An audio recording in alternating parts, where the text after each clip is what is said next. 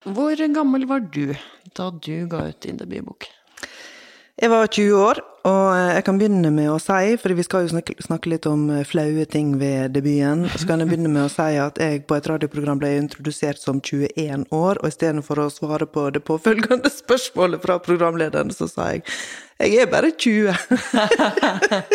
jeg var veldig, bare 20? Ja, jeg var veldig opptatt av det at jeg var så ung debutant, så det, det var viktig for meg å understreke og markere. Mens jeg ble kalt godt voksen på Ja, men det var du, da jeg var 37. Ja, likte ikke du det? Ikke helt.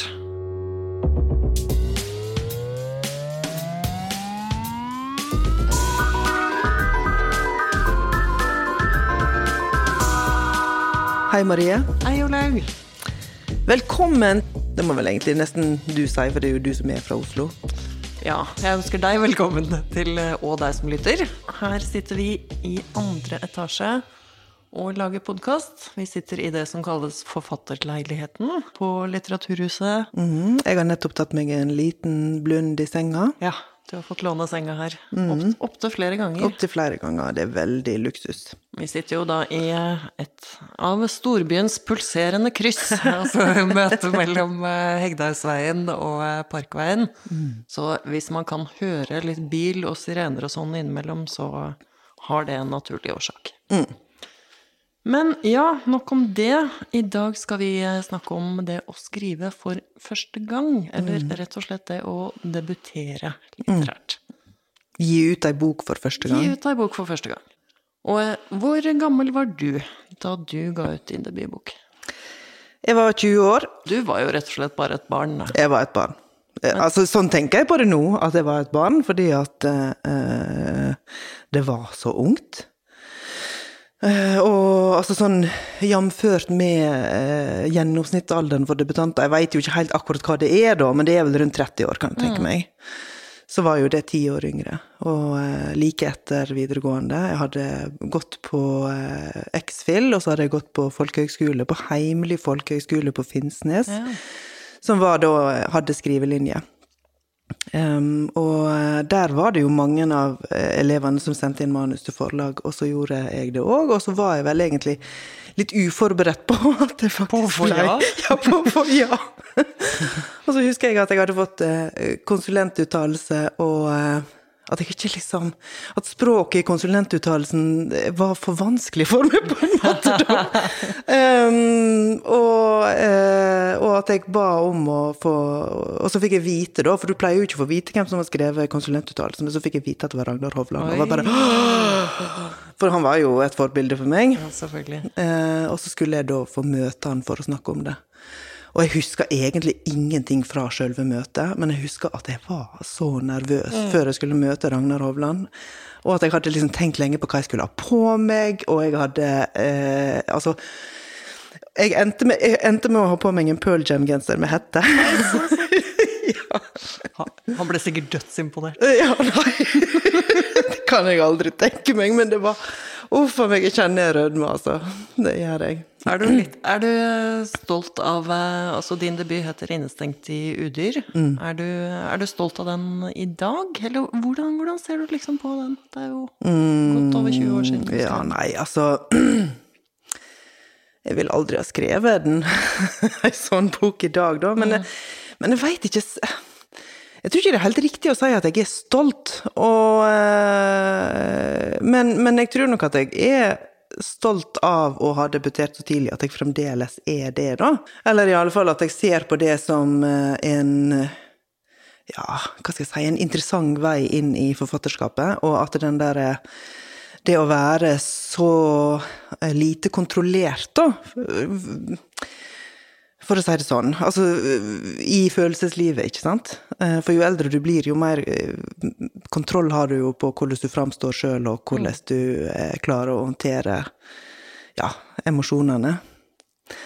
Um, for jeg tenkte på det på vei hit, at uh, jeg husker jo fremdeles sitat fra anmeldelsene. Men det gjør jo kanskje du òg? Ja, ja, ja. Ja, men uh, for eksempel ikke like lenge eh, siden. Nei, det er jo ikke like lenge siden heller, da. Men jeg husker jo eksempel at Nora Simon hun er forfatter og litteraturviter. Og på den tida så anmeldte hun bøker i Dag og Tid. Og at hun skrev 'ikke akkurat stor litteratur'. Å nei! ja, men i en, i en ellers ganske positiv omtale. Men, men, jeg tror, men jeg tror jo at jeg må ha trodd den gangen som 20-åring at det å debutere som forfatter var liksom så enormt, ikke sant? Og det var jo det for meg òg, som 20-åring, men det å få liksom beskjeden 'ikke akkurat stor litteratur'. Men Øystein Rottem, han kalte jo det for uh, 'det reneste tøv'. Er det sant? ja! Det reneste tøv. Det reneste tøv. Men um, Hva handler den om? Nei, den handler uh, Åh, jeg kjenner at nå svetter jeg, altså. Den handler jo om unge folk som, eh, som strever med å finne seg til rette. Det, altså, det er en enkel måte å si det på. handler om, litt om spiseforstyrrelser. Det handler om eh, eh, å føle seg eh, eh, Altså med et voksent språk så vil jo jeg i dag si eh, sosial angst. Men det, jo, det var jo nok ikke det jeg tenkte da. Det fantes jo ikke det da. Nei, kanskje ikke Ja, jo, det gjorde jo det. Begrepet var jo lite brukt, i hvert Ja, fall. Men nå sikkert. er det jo veldig Ja. mye brukt. Men jeg hadde da, i boka, så har jeg da brukt Altså, den er ganske utradisjonell i formen.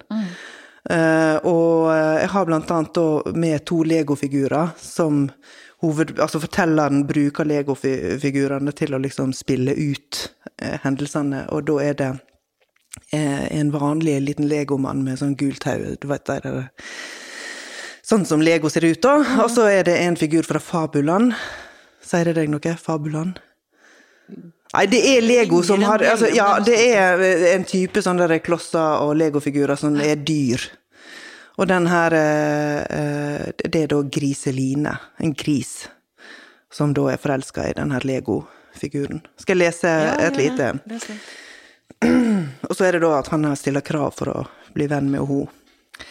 Guru si premissliste for vennskap med Griseline. 1. Jeg skal bestemme når vi kan være i lag, og hva vi skal gjøre da. 2. Du kan ringe til meg, men vær forberedt på og tål at jeg kan være kjempesur og avvisende. Tre, Hvis vi skal bli kjærester, må du slanke deg og få et vakrere andlet. Eh, parentes, sannsynligvis vil ikke dette skje siden du faktisk er en gris, men vi kan altså være venner likevel når dette skjer på mine premisser. Fire, jeg er den morosame. Fem, rare, seks og spesielle som du ler deg skvett i hæl av. Sju, og er ulykkelig forelska i, noe du må vise og fortelle våre felles venner. Og så hadde jeg i tillegg eh, noen stemmer som het Altså som liksom kommenterte handlingen, da. Eh, og som ble kalt et gresk kor av anmelderne, og det hadde jo ikke jeg begrep om, da. Men eh, eh, A-dur, alle de unisone røystene. Og akkurat det syns jeg egentlig det, det, var, det, var, det var ikke så dumt. Det med gresk kor har du jo kommet litt tilbake til. eh. Eller du har jo noe litt lignende i eh, Vi har så korte armer. Ja, men den kom jo ut bare noen få år etter, Ja. så da var jeg vel fremdeles litt på det sporet at mm. uh, uh, Ja.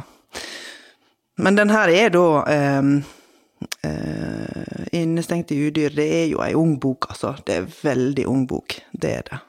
Åh, ja ja. Nei, skal ikke rakke ned på den 20-åringen jeg var. Jeg må stå for den! Må ja. stå for den. Men var du, var du sånn fornøyd med den opplevelsen det var å debutere? Jeg syns faktisk at det er vanskelig å si noe om i dag, fordi at den gangen så var ikke jeg Jeg var jo liksom Sjøl om jeg da jeg debuterte tenkte og trodde på et vis at nå er jeg forfatter, sant. Nå er jeg eh, Nå er løpet lagt. Dette var, det, dette var skjebnen, dette var sånn skulle det bli. Men samtidig så holdt jeg jo på å studere på den tida. Jeg gikk på, begynte på litteraturvitenskap, jeg, og jeg var på universitetet da i flere år. Og jeg gikk òg på Skrivekunstakademiet etter debuten. Ja. Så um, um, jeg tror ikke at jeg helt hadde eh, begrep om eller forståelse av eller kontroll over hva det vil si. Hva betyr et gjennomslag? Hva kan jeg forvente å selge? Altså Den typen ting var ikke Nei, det hadde, jeg hadde ikke Det forsto jeg ikke. Visste ikke. Altså Det var liksom Det var en litt ehm, ja, en uinformert debut var det vel òg. Men du, da? Du var 37 år, hadde vel Og du hadde jo jobba som journalist, og hadde vel òg Eller hadde du òg jobba med markedsføring? Ja, Ja. Og Em, Jeg gikk jo også, eh, sånn som du, på Skrivekunstakademiet. og Da var jeg 22. Men jeg, jeg mista jo litt sånn selvtilliten av det, rett og slett. Akkurat. Eller, eh, eller fram til det så hadde jeg jo Jeg hadde jo skrevet veldig mye, og vært veldig sånn på at det var det jeg hadde lyst til å drive med. Men jeg var nok ganske sånn vinglete og usikker og uferdig. Og eh, når jeg, når jeg ser tilbake på en del ting jeg skrev da, så var jeg kanskje ikke det. Jeg kan jo se mye sånn spor av hvordan jeg skriver nå, selv om det er helt sånn som du Det er jo fundamentalt annerledes, og det er veldig ungt. Men jeg var i hvert fall ganske sånn eh, vinglete og lett å eh, vippe i en eller annen retning, da. Og eh, en sånn setting som det var, eh, hvor man eh, var tolv tolv studenter og lærere, og du skal liksom ha tilbakemelding på teksten din hvert eneste steg av den prosessen. Ja. Og av alle. Og, og alle er jo ikke enige. Nei. Nei. Så jeg, jeg har tenkt at det krever kanskje litt mer sånn der pondus uh, i deg selv, da, eller litt sånn større sikkerhet i hva som er ditt uh, skriveprosjekt. For jeg ble veldig sånn der Å, nei, men dette er vel ikke bra nok og interessant nok, og liksom Å, er dette bra nok til å gis ut? Eller jeg, slutta liksom å ha et litt sånn umiddelbart eh, Mm. forhold til å skrive. Eller som de sier i kreativitetsforskningen, ble for mye frontallapp, eller hva det er, da. eller Mm. skjønner, for ja. mye rydding Ja. du, mens du ennå skal drive og leke. Men, men skulle du ønske at noe av det du skrev den gangen, hadde blitt gitt ut, da? Nei, jeg skrev, jeg skrev en halv roman. Mm. Som jeg tenker jeg kanskje kunne utvikla, men jeg ante ikke helt hvordan det skulle gå. Liksom. Nei. Nei. Og jeg, jeg måtte omarbeide den så himla mye, tror jeg, fra det som var utgangspunktet. Men det var noe der. Så jeg tenkte, tenkt meg sånn der det, det var noe sånn nerve og interessant som eh, Ja, som, eh, som kanskje hadde livets rett, da. Ja, Men, men, du, jeg, jeg det, kan ikke ta det opp nå. Nei, ikke nå, nei. Men altså, om du hadde gjort det den gangen, og vært en ung debutant Ja. Når du hører på meg og mitt stress og all min rødning, rødming, skulle du ønske at du var en ung debutant? Nei, egentlig ikke. Ikke sånn som jeg var.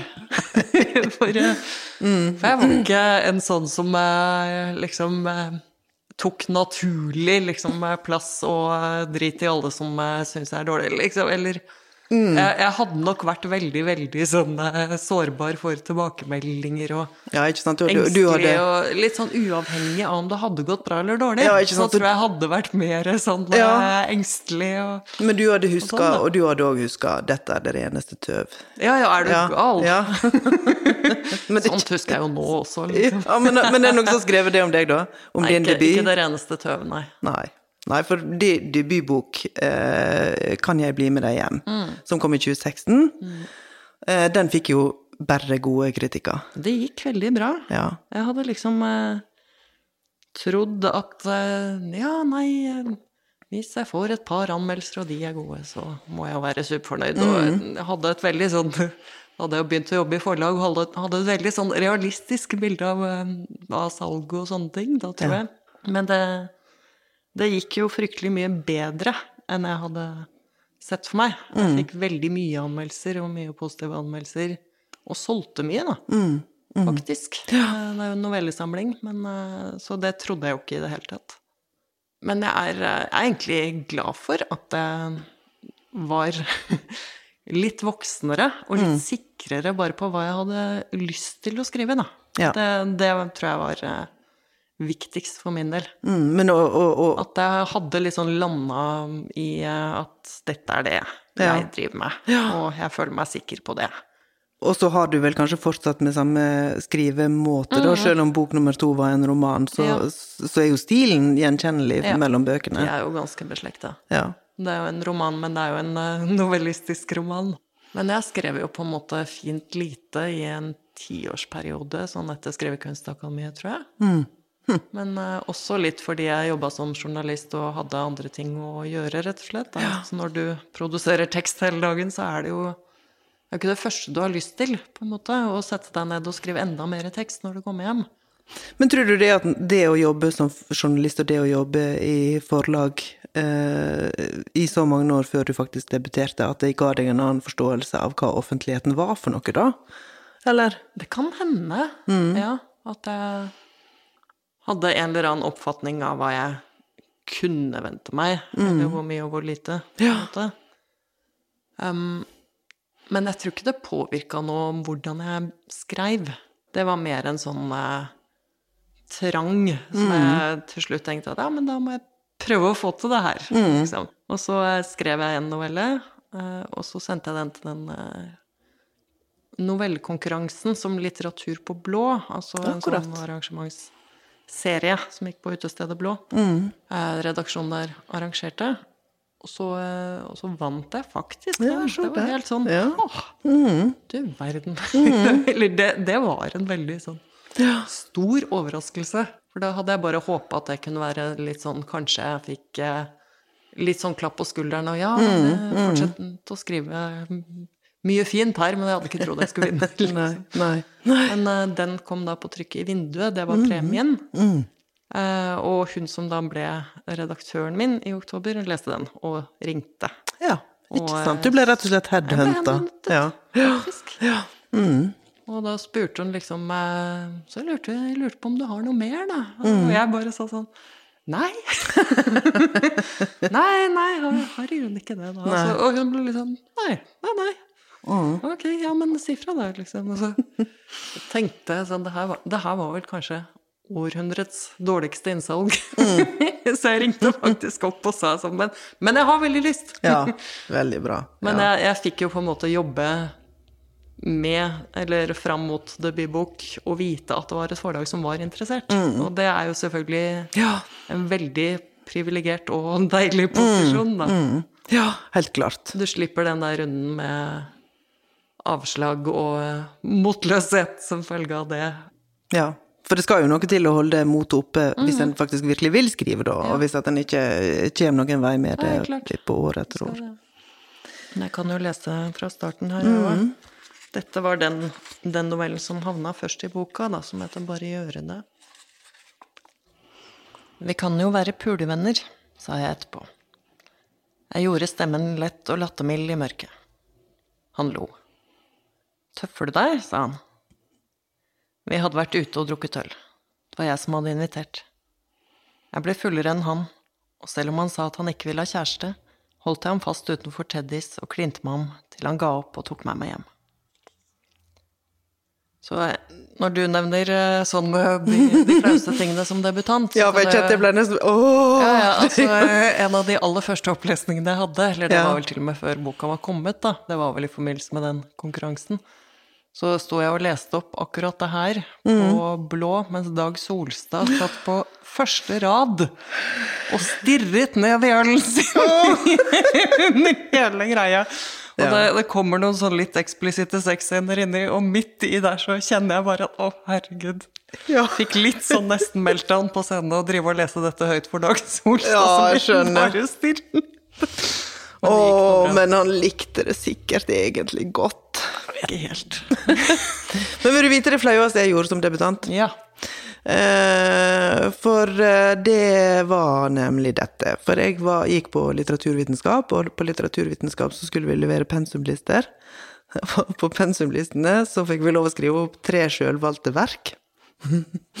og så gikk jeg da og spurte foreleseren, og på den tida hadde jeg faktisk barbert av meg alt håret òg.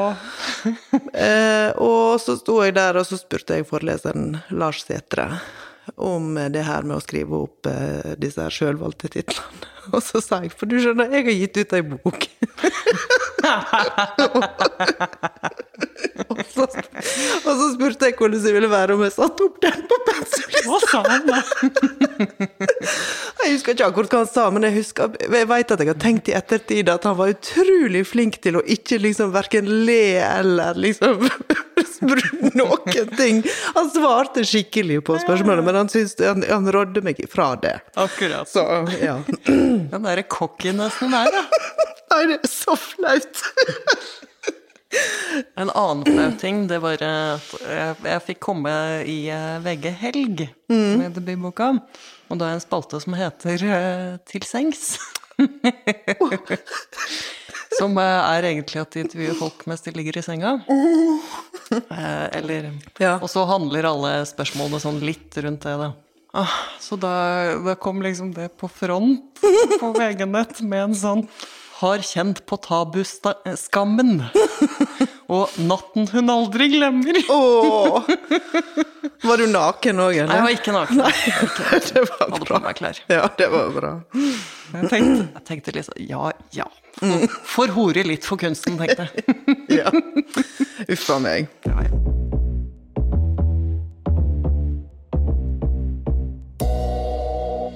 Men uh, vi, vi kan ikke bare snakke om oss sjøl, sjøl om det er veldig Enda gøy. så gøy det er. Ja, enda så gøy det er. gøy det er. Så nå må vi snakke litt om uh, andre. Mm. Og uh, hva er Marie, hva er en god debut, bortsett fra 'Kan jeg bli med deg'? Ja. Det er jo mange ting som kan være en god debut.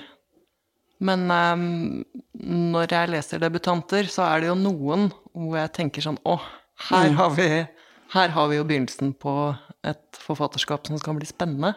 Eh, og det kan jo være mange, mange årsaker til det, men eh, hvor du eh, får en følelse av både originalitet og eh, litt sånn, ja, litt sånn umiddelbarhet, da. Du får litt følelsen av at her eh, er det noen som har en ganske utvikla forfatterstemme, eller har noe de ønsker å si. Og da er det jo gjerne altså Særlig hvis at, du, hvis at det å ha en utvikla forfatterstemme skal være et kriterium, så er det jo ofte de litt eldre. Og det trenger jo ikke være en ferdig forfatterstemme. Nei, nei. Det kan jo også være en sånn Ja, litt som du beskrev nå, da, som er noe sånn litt rått og ufiltrert, men eh, likevel hvor du opplever et stort trøkk, eller eh, en stor energi, eller en original, interessant måte å uttrykke seg på, Ja, ikke sant. Ja, selvfølgelig. Det kan det jo også være. Ja, men eh, hvis vi skal nevne noen da fra eh, ja, de siste åra, da, Mm. og de siste åra er et litt vidt begrep her, eh, men som vi har lagt merke Og nå til snakker vi norsk. Nå snakker vi norsk. Vi kan ikke ta hele verden til Eh, nei. Eh, men da skal jeg ta ei bok som jeg husker veldig godt. eh, som kom i 2001, og det var jo tre år etter meg, og det var Coca-Cola Company Ja. av Mathias Fallbakken. Eh, men han kalte Altså, da hadde han et pseudonym, så det var Abu Rasul. Så, Og på den tida visste vi ikke at det var han. Og før vi skulle møtes i dag, så googla jeg eh, litt, og så fant jeg en anmeldelse fra det året, men der sto det faktisk Mathias Fallbakken, og da tenkte jeg ja, men det må de jo ha liksom redigert seinere. For det tok noen år før, vi, før iallfall jeg visste at det var han. Han var da eh, i slutten av 20-åra når han debuterte. Og det var jo noe helt annet. Noe helt annet. Ja, det og- husker jeg. Ja, for det, det var ei bok som var både lang og, og medrivende og, og veldig kul. Altså av, det, av bøker var ifra så kul. Ja, den var, den var utrolig kul. Og det handla om et pornoselskap, ikke sant? Coca-Cola Company, sant? som er jo og for en person som skriver om legofigurer hun debuterer, så er det jo klart at det der er jo lest noe sånt! Måtte jo liksom lese mellom fingrene, sant? Altså, for det var så spennende og så spektakulært. Ja, ja, men ikke sant? Og det òg er jo noe av grunnen til at dette husker jeg godt. Og så var det vel òg noe med at liksom det, det fortsettelsen på det forfatterskapet eh, holdt seg til det samme. Sant? Altså at det var tre bøker som, eh, som senere har blitt gitt ut sammen under en samletittel 'Skandinavisk misantropi'. Ja, han satte på en måte en standard for seg sjøl og sitt eget forfatterskap. Og så var det veldig sånn der tidsånd. Han traff jo på en måte veldig noe sånn derre Litt sånn eh, livstrøtt eh, Ja. millennial eh, Nei, ikke millennial, men millenniumsånd. For, for dette boka handler jo om at eh, Altså om kunstnere som eh, prøvde å være samfunnskritiske, men som da eh, der blei så populære at kritikken blei en del av mainstream, og blei liksom ubrukelig som kritikk. Ja. Og, som er, og dette ser vi jo hele tida, det er jo liksom en observasjon som er sann. Altså for eksempel når Ja jeg vet ikke Nirvana-T-skjorter på Hennes og Maurits til barn i fireårsalderen. Det fins sikkert ikke, da, Men, men, det altså begrepet har ja. endra seg så vesentlig også. Ja. jo, I dag er det jo på en måte få som bryr seg om at uh, den uh, kulturen er kommersialisert på samme måte. Altså Mm. 90-tallet var jo det derre sell-out-begrepet var jo så veldig sånn noe du ikke skal gjøre. Så endrer det seg liksom når du kommer opp på 2000-tall, så det er jo akkurat det han fanger opp. da. ja. Ja. Men så var det jo en god del år at eh, Mathias Fallbakken ikke skrev romaner Mm. og holdt på med kunst, og så eh, Eller holdt på med kunst, det høres reduserende ut, men han skrev nå i hvert fall ikke romaner på noen år. Ja, pusla litt rundt. okay. På Wien. Ja. Nei, det hørtes reduserende ut, det var ikke sånn meint. Men, men eh, de to siste bøkene hans, The Hills fra 2017, og så eh, Vi er fem. Mm. De, jo, de har jo liksom fremdeles noe av en sånn vilterhet og, og, og Ja. formeksperimentering på et vis, da. Helt andre men, temaer, men ja, den derre- Ja, men, men et voldsomt, eh, voldsomt driv, ja. Så han har jo eh, ja, en, en debut som eh, satte spor, og som han seinere òg har levd opp til, da. En god debut og et godt forfatterskap. Mm. Jeg husker veldig godt eh, Carl Frode Tiller sin uh, 'Skråninga'. Eh, for den debuten der uh, syns jeg er en sånn Den fikk jo veldig mye oppmerksomhet eh, også, fordi det her var en sånn veldig sikker stemme, på en måte, da. Kommer inn der med en sånn eh, veldig mørk, mm. fortetta fortelling. Som eh, også viser på en måte de tingene som preger hans forfatterskap seinere. Det er det derre mørke, relasjonelle og litt sånn derre fortvilte, og hvordan han får det til å dirre i scener mellom mennesker, liksom. Han er en forfatter jeg liker kjempe, kjempegodt. Men der, der syns jeg liksom du så han. Allerede der så ser du han veldig godt, da. Ja. Og han òg var jo en ganske moden debutant. Jeg er usikker på hvor gammel han var når han debuterte, men Mm. han var i hvert fall, i hvert fall 30. Eh, og den òg kom på begynnelsen av 2000-tallet. Mm. Og jeg vil jo si at han har fulgt opp den, både tematikk og form og For skråninga handler jo om, sånn som jeg husker det, det kan jo hende at det eh, reduserer den òg litt, og jeg bare snakker om den sånn overfladisk, men altså at det handler jo Der òg handler altså, Som man har skrevet mye om seinere, at det handler jo om omsorgssvikt og om eh, klassemotsetninger og om og skråninga var jo ei fysisk skråning i Ja. boka, men, men det kan jo òg leses ja, ja, men det kan jo òg leses metaforisk, at du er liksom på vei ut. Ja, utfor. ja på skråplanet. Ja, ja. ja. Eller skråninga. Utfor skråninga. Men sånn de siste åra Eller det, det er jo for det første mm, sånn det begynte Maria Navarro Skaranger. 'Alle utlendinger har lukka gardiner'. Var det 2013? Ja, det tror jeg. Det var allerede ni år siden. Ja. ja. Men den har jo også noe sånn eh, veldig originalt og lekent og morsomt, og en sånn der veldig ureddhet, da. ja. Og hun var ungdebutant. Ja, hun var en ungdebutant. Hun tror jeg var nettopp ferdig med gymnaset da hun debuterte. Ja. Uh, og, det, og det husker jeg òg fordi at uh, dette ble jo slått stort opp. Og jeg husker at hun var lørdags, lørdagsgjest på, på Dagsrevyen. Eller i hvert fall gjest i Dagsrevyen. Og det er jo ikke mange som blir invitert til altså, altså kulturfolk i det hele tatt. Det er jo ikke så ofte det skjer. Nei. Og da husker jeg at eh, når hun da skulle snakke om det som jeg har lært heter multietno... Nei, hva var det? Multietnolekt. At det var jo noe som hun kanskje ikke helt følte seg komfortabel med, ikke sant? For Nei, det var det jo som er ja. ganske, reduserende på den tida ble kalt for kebabnorsk. Litt sånn misfor, misforstått. Men den boka, eh, 'Alle utlendinger har lukka gardiner', den har òg blitt filmatisert, og den Mm. filmen kom vel ut i fjor eller i forfjor. Fin film òg.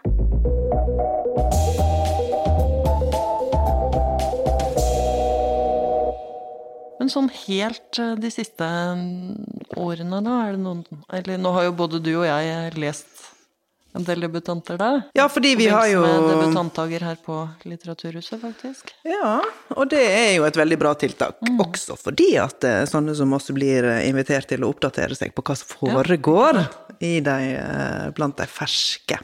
Ikke nødvendigvis altså de unge, men blant de ferske. Og jeg las ei bok i fjor som jeg likte veldig godt, som heter 'Områder av særlig betydning', Ja. av forfatteren Heidi Midthun Kjos. Um, litt kjedelig tittel, men bra bok. det må være lov å si. Mm, men hun debuterte det året hun fylte 49. ja. Så hun kan eh, en si til på God morgen Norge at hun var en godt voksen debutant. Um, Uten at man blir fornærma, sånn som ja, er. ble. ikke sant?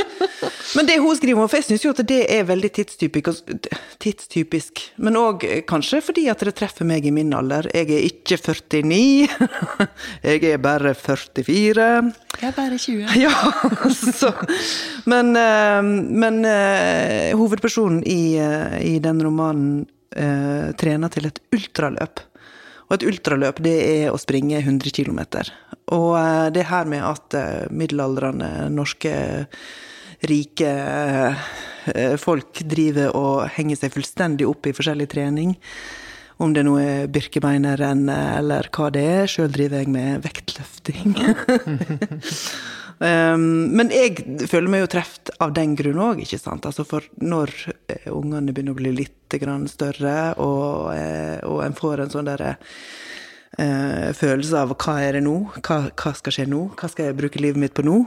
En sånn der typisk, ikke nødvendigvis midtlivskrise, men midtlivs midtlivsfølelse, da. Altså lett midtlivsdepresjon, skal vi kalle det det. Du klarer å løfte det til at det, Mm, altså det sånt blir interessant. Ja, jeg syns det er veldig interessant. Veldig godt skrevet. Og så tror jeg òg med den boka at eh, en får følelsen av at liksom oppbyggingen av romanen er i slekt med treningen til det ultraløpet, ikke sant? Eh, og eh, eh, det sa hun sjøl òg etterpå, at liksom det, det er jo en del fellestrekk ved det å skulle forberede seg og gjennomføre faktisk en sånn 100 km løp og med å skrive en roman, for det er jo ikke så lett å skrive en roman. Så den, nei, den syns jeg var den synes jeg var bra. En av de jeg har likt best, er eh, Malin C.M. Rønning, med en roman som heter Skabelon. Og den syns jeg var så spesiell og rar og guffen. Handler om en familie som bor litt sånn på siden av samfunnet. Eh, Og faren eh, sover ofte i en, eh, en buss som står på tunet, sånn det kaputtbuss. Og mora får liksom barn etter barn etter barn, og det blir flere og flere unger, og de sover liksom på eh, madrasser og uten sengetøy, og det, det finnes liksom en, en verden der, da. Eller mm. det, det finnes en by, og det finnes motorvei, og det finnes en skole. Og, eh, så det er, det er ikke liksom en fantasiverden, men du får nesten følelse at det er en sånn egen eh, lovløs eh, tilværelse utenfor tida. Og det er selvfølgelig en eh, veldig sånn påfallende omsorgssvikt eller Ja. noe lignende, men det, det det mer handler om, er litt den derre verden de etablerer. Ja, og den derre skumle, utrygge verden hvor også naturen liksom vokser så innmari inn i boka og inn i huset og inn i personene, nesten. Da. Og, og det er noen sånne veldig sånn illevarslende ting med at det står en revesaks åpen i skogen, da, og hver, hver, eh, hver dag så stikker hun hovedpersonen en pinne i den så hun skal klappe igjen, og hver dag så er den satt opp på nytt. Ja, akkurat. Ja, det- Den, eh, den leste jeg sånn der med, med ganske sånn gåsehud. Ja, Jeg synes syns det var veldig, veldig spennende debut. Og så um, har jeg også vært begeistra for uh, Ida tar ansvar til eh, Kjersti Halvorsen. Den er mm. nettopp blitt uh, TV-serie. Den handler jo om en sånn angstfylt student, eller Ida, som er vettskremt ved tanken på at det skal skje en terrorhandling på Blindern. Mm. Å ja. Og hele tida ser for seg det. Akkurat. Og så kommer, dumper hun litt sånn borti en gutt som eh, hun eh, tror må være en litt sånn incel-type. Og så er hun liksom så engstelig at, at hun tenker at hvis han får seg en kjæreste, så skyter han kanskje ingen. og boka liksom forfølger det her eksperimentet. Da. Ja, og, og den er veldig sånn der klump i magen og Ja. Ordentlig vond, altså. Ja. Det, det, blir, det blir ordentlig fælt. ja. Flaut og fælt som Ja, i både flaut? og fælt. Ja, ok, skjønner. Men hun har noen sånne gode observasjoner av liksom eh, At han lukter kaviar, liksom. Når, eh, liksom når de skal kysse eller et eller annet. Oh, det, er sånn der, ja. mm. det er litt sånn ekkelt, det hele. Og så er det jo den eh, Karoline Brennjord. Ja, ikke sant. sant. Jeg vil våkne til verden. ja, Diktsamlingen. Mm, for det var jo virkelig gjennombruddet av en debut. Eh, og nå skal jeg fortelle deg en fun fact om Caroline Brennjord. Jeg har gått på Skrivekunstakademiet med Caroline Var Brennjord. det det? Ikke, ikke da jeg gikk der i ja, tid var det, i 2000, for da var vel hun knapt født. ja, nei da. Men, men eh, for noen få år siden så, så søkte jeg og fikk plass på påbyggingskurset på Skrivekunstakademiet. Og eh, da var hun en av eh, studentene der, så jeg var Mange av de dikta som var på trykk i debutboka, hadde jeg lest før. Ja, nettopp. Ja. Men den, eh, den gjorde veldig inntrykk Mm. på meg, i hvert fall. Det er jo sånn, sånn veldig gode setninger, rett og slett. da. Gode dikt, eller sånn eh, slående bilder og, Mm. og sånn der nerve og, som handler mye om sorg. Ja. Nei, den syns jeg var kjempefin. Ja, og så var det òg veldig gøy, syns jeg, at eh, det Altså at ei diktsamling fikk så stor oppmerksomhet, og at hun fikk jo ikke bare Tarjei Vesaas debutantpris, hun fikk jo òg kritikerprisen det Ja. året. Og eh, det tror jeg var snakk om at det hadde vel knapt skjedd med en debutant før. Kanskje bortsett fra Karl Ove Knausgård, da. Men iallfall, ja. Så det var jo Det var nå en Altså, til dikt å være, da. Det høres jo veldig reduserende ut, men det er ikke sånn meint. Men altså, dikt får jo generelt langt mindre oppmerksomhet og blir lest langt mindre enn romaner. Og kanskje enn noveller òg, jeg veit ikke. Jo, absolutt. Men, så ja, nei, det var veldig, veldig Det var gøy. Men eh, det er jo et annet spørsmål. da. Sånn, nei, det er jo ikke så lett å synes som debutant. Nei. Altså, mange forlag har mange skjønnlitterære debutanter eh, i året. Men det, det er jo ikke på noen måte sånn at man er garantert mye oppmerksomhet eller eh, mye salg av den grunn. Nei. Og det Nei, Har, har de det tøffere enn oss? eller har vi det? Altså, da jeg debuterte, eh, så ble jeg jo iallfall anmeldt mange plasser. Um, og jeg tror nok også, jeg ble vel òg intervjua noen plasser. Um, men vi hadde jo ikke noen sosiale medier den gangen. Så vi hadde jo ikke noe sånn eh, noe sånn stor mulighet til sjølpromotering utover det å bli invitert til opplesninger og, bli, altså, og sånne ting, da. Den muligheten har man jo nå. Mm. Du kan, Ja, kan promotere din egen bok mer. Ja, og, men så er jo det et spørsmål om hvem er det du egentlig promoterer den til da. Er det egentlig, altså Hvis du bruker sosiale medier De færreste har jo kontoer som når utover sin egen bekjentskapskrets. Eh, så det skal jo noe til det òg, å gjøre seg kjent på den måten. Men jeg tror at det er ikke noe Altså det året som jeg debuterte, da var det 40 debutanter det året.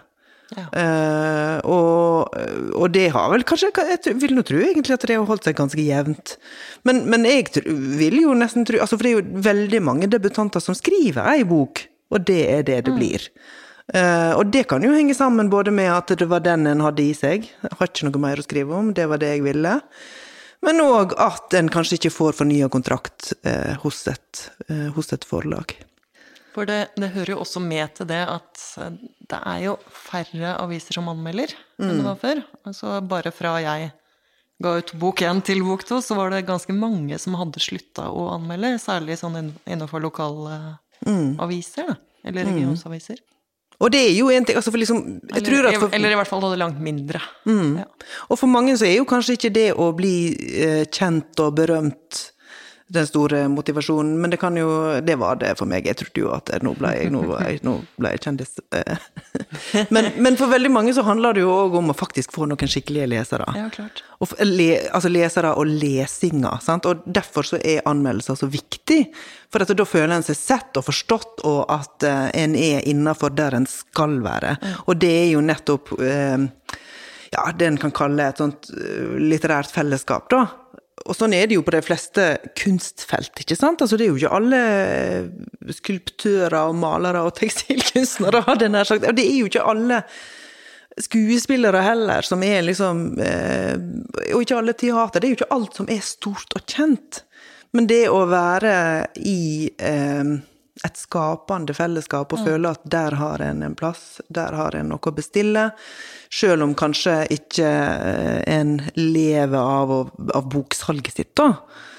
Eh, at det kan nok være vel så viktig for mange. Jeg tror ikke at det er sånn at eh, alle har en ambisjon om, eller en, eller en tro på for den saks skyld, at en skal nå ut til de store massene og bli en sånn som eh, Ja, får være på Lindmo, da, eller noe sånt. Men samtidig så er det jo Det kan oppleves ganske sånn eh, ensomt å ha jobba med ei bok i tre år og endelig ferdig, og så skjer det nesten ingenting. Ja. Ikke, ikke, det er mange som ikke blir anmeldt i det hele tatt. ja Syns det er ganske vondt. Og det, det kan være være hardt, ganske ja. altså.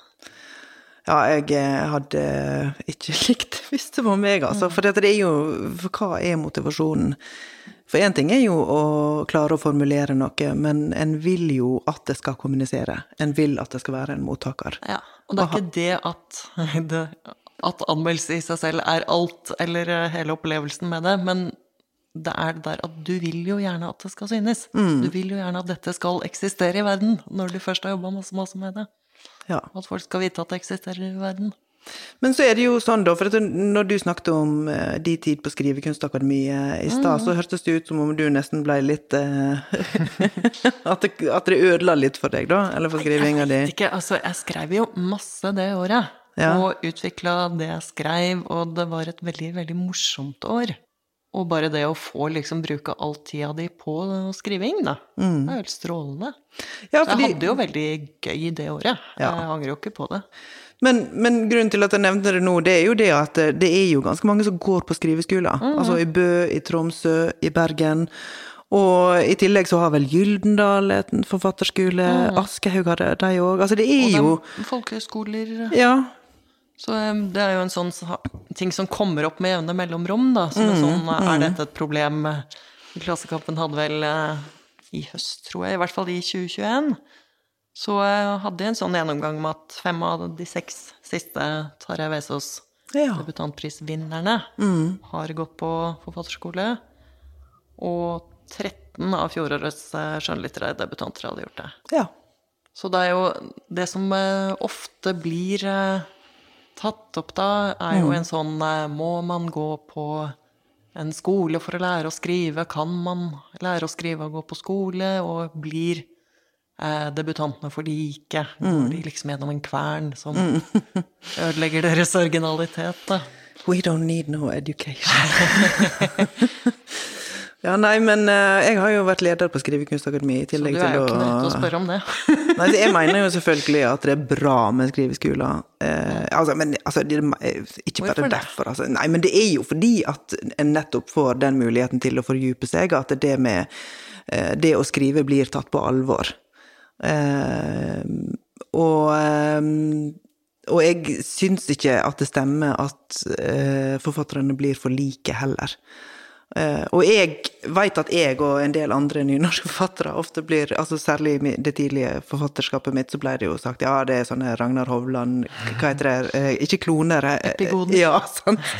Og det var det vel noe i. Men jeg hadde jo ikke han som lærer på Skrivekunstakademiet når jeg gikk der, og jeg debuterte jo som, som nevnt før jeg gikk på Skrivekunstakademiet. Men ehm, Så etter man, etterligner man jo ofte andre Ja, når man er jo eh, det. en forfatter. Ja. Da er man jo tydelig inspirert av noen. Og Ja.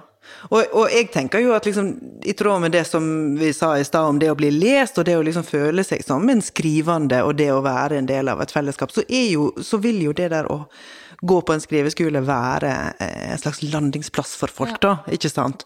Og så er jo ikke det sikkert at det fører til så masse mer, men da har en jo i hvert fall hatt det, da. Eh, og ehm, Nei, jeg syns ikke at eh, det blir for likt. Men det som jeg kan synes, og som jeg av og til tenker på, er at en del forfattere lærer, eller særlig unge forfattere, lærer en måte å snakke om sin egen litteratur på som jeg syns er litt kjedelig og em, eh, ja, feig, kanskje? Det var strengt sagt. Men altså, hvis du snakker om eh, det å skrive altså Når du går på en skriveskole, så snakker en jo om litteratur, og om litteraturen en holder på å produsere, på ganske tekniske måter. Og sånn må det jo være, for det er jo sånn du lærer å skrive, og lærer hva slags teknikk teknikker du skal bruke. Det er sånn at man refererer hele tida til liksom teksten min. Ja, i teksten. teksten. Ja, og den Det er ikke boka, jeg- det er liksom teksten. Ja, ikke sant? Og jeg-personen og, eh, og så videre. Altså, selvfølgelig så skal han jo gjøre det. Altså, det er jo ikke det at det er så fælt, men det blir noe litt sånn Det syns jeg kan bli litt likt, og litt teknisk. Eh, og kanskje ikke det en skal bruke når en skal fortelle om boka til et annet type publikum, da. Og så er det jo eksempler på at enkeltskrivelærere kan liksom bli Få veldig sånn eh, Jeg vet ikke om jeg skal si autoritet, men i hvert fall sånn stor påvirkningskraft, da. I kraft av hvem de er, og eh, Ja. hvor store forbilder liksom de kan bli. Og at det igjen kan gjøre at mange ønsker å skrive litt sånn likt som dem, på en måte. Eller mm. Elrid Lunden tror jeg hadde en sånn, sånn innflytelse på eh, forfatterstudiet i Bø. Eller det var jo en sånn veldig tydelig figur der. Og eh, Stig Sæterbakken også, på, på Lillehammer. Som, eh, som veldig mange liksom beundra Ja. veldig, veldig mye. Uten at det nødvendigvis betyr at her, her skal vi gjøre det på denne måten. Nei, og dessuten så tenker jo jeg òg at liksom det at det danner seg en type skole da innenfor skriving, at det er jo ikke nødvendigvis negativt. Det kan jo være utviklende òg. Altså for, ikke bare for, for det enkelte forfatterskap, men for litteraturen på et visst tidspunkt. Ja, og jeg tenker også at uh, vi har jo ikke nødvendigvis problemer med å snakke om det i andre kunstretninger. Nei. Litt sånn uh, Ja, Mm. Ånne Drøm underviser sånn. Eller mm. sånne studenter er det, på en måte. Ja, ikke sant. De som vil gjøre dette, de kan gjøre, gå der. Ja, det jo Men, men det syns jeg jo er en sånn uh, ting med hele den diskusjonen, da. At det Mm. liksom skal være en negativ ting akkurat når det gjelder uh, Mm. skriving, akkurat når det gjelder uh, forfattere. Mm. Så skal det liksom være negativt å ta utdanning, eller eh, Nei, du du, skal du kunne ikke sagt det om uh, musikere. Nei, Nei. De, de må ikke ha gått på skole. Eller de må ikke ha lært seg dette. Mm. Eller eh, om, eh, om billedkunstnere. At eh, nei, men alle blir like hvis de går på Kunsthøgskolen. Liksom. Mm, mm. Jeg syns ikke du hører den samme kritikken der. Nei. Men jeg syns det er en veldig sånn eh, forestilling om eh, det litt sånn um, ubesudlede geniet, da. Ja, ja At du liksom skal bli en bedre forfatter av å ikke eh, ha berøring med omverdenen, nesten. Føler Ja, jeg skal- ja, men kan skal- ligge skal- litt sånn i bånd for det. Ja, du skal sulte og skrive rett Ja. fra levra. Ja. Alt, skal, alt skal komme innenfra, liksom. Hvorfor i all verden skulle man ikke lære håndverk? Mm. Eh, skriving er også et håndverk.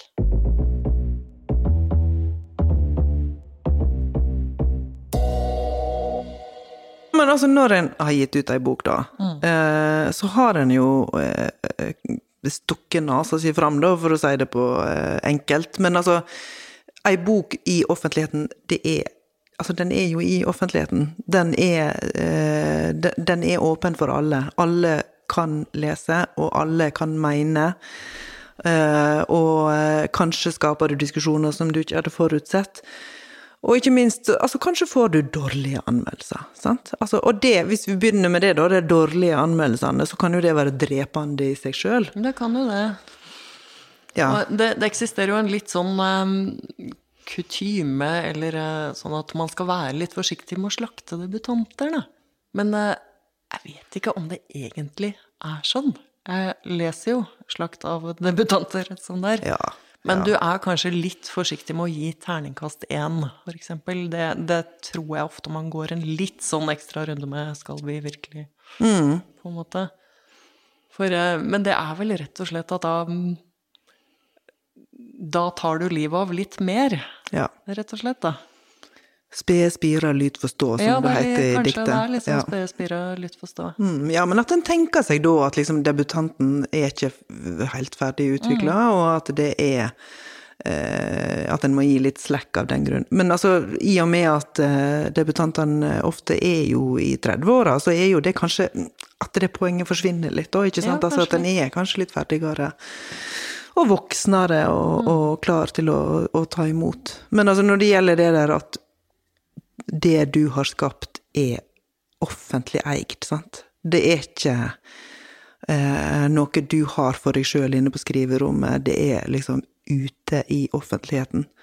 Og så er det jo da selvfølgelig fælt hvis ingen ser det, men hvis alle ser det og begynner å mene noe mm. om det, så er det ikke sikkert at du er helt klar til å ta det heller, da, nødvendigvis.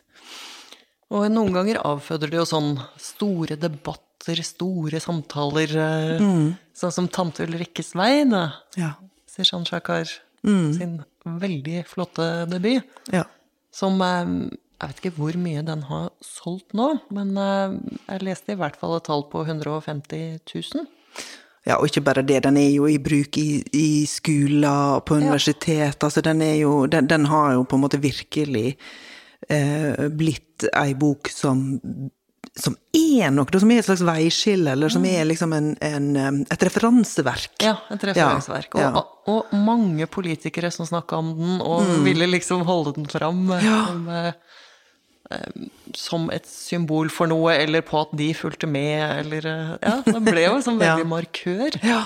Absolutt. Tenk å, tenk å, oppleve det, på en måte. Ja, men altså, det er jo ikke De fleste vil, eller mange vil vel tenke at det er flott. Eh, men det er jo ikke sikkert at du er klar for å være en representant for noe. Det, det, er jo ikke sikkert at det var det du tenkte når du skrev ei bok. Ikke nødvendigvis. Men når det gjelder det, både den og eh, alle utlendinger har lukka gardiner, så har jo de kanskje svart på et stort behov i norsk litterær offentlighet om å Altså et ønske om å få en innvandrerroman, da, ikke sant? Um, og det kan jo være litt sånn uh, ubehagelig rolle og uh, ikke, ikke, nødvendigvis en ubehagelig rolle å ta på seg, men hvis du får den litt sånn tredd nedover hodet, da, så må du jo så må du jo takle det. Nå må du jo ja, tåle det. Du, du, kan føle at du blir litt den forfatteren. Mm, mm.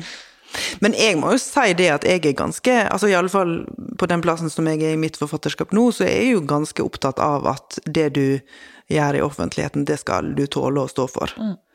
Eh, det syns jeg er viktig. Eh, og sjøl om det kan Og nå har jo jeg i, vært i offentligheten i over 20 år, og selv om det er jo ubehagelig å få kritikk, og det er ubehagelig at noen er uenig med meg hvis jeg har meint noe i offentligheten, så må jeg på en måte forholde meg til det. Sant? Eller jeg har lært at det må jeg. Det må jeg. Og det handler jo både om å forstå sin rolle, men det handler jo òg om å ville være en skikkelig person, ikke sant? Altså å være, og ikke bare drive og ja, dra stigen opp etter seg, da. Men Marie, hvis du skulle debutere på nytt i 2022, hva ville du ha skrevet da? Altså For meg så er jo dette ikke så mange år siden. jeg har jo fortsatt bare gitt ut uh, to bøker. Mm. Så eh, for meg hadde det jo ikke vært så veldig annerledes. Det er jo sikkert en helt annen sak, uh, sånn som du, når du har uh, 20 år langt forfatterskap bak deg. Da. Hva ville, mm. hva ville du gjort? Hvis jeg skulle debutert nå, så eh, skulle jeg òg ha vært flink til å tegne og male, sånn at jeg kunne illustrert sjøl ei barnebok eh, som skulle handle om eh, mange ting, men eh, der det skulle være ei brygde med. Og da skulle jeg tegne alle sidene sjøl, og de skulle være veldig blå og lilla og sånn, og så skulle den brugda være veldig framtredende. Veit du hva ei brugde er? Det er en sånn stor fisk. Ja, en hai. En hai. Og så har han en sånn utrolig stor munn. Brugde. sånn at liksom når Hvis du googler brugde og får et sånt gapebilde av brugda, så ser det helt utrolig fascinerende ut. Brugda skulle debutboka mi ha hett. Og den skulle bli en kjempesuksess blant barn. Takk for i dag. Takk for i dag.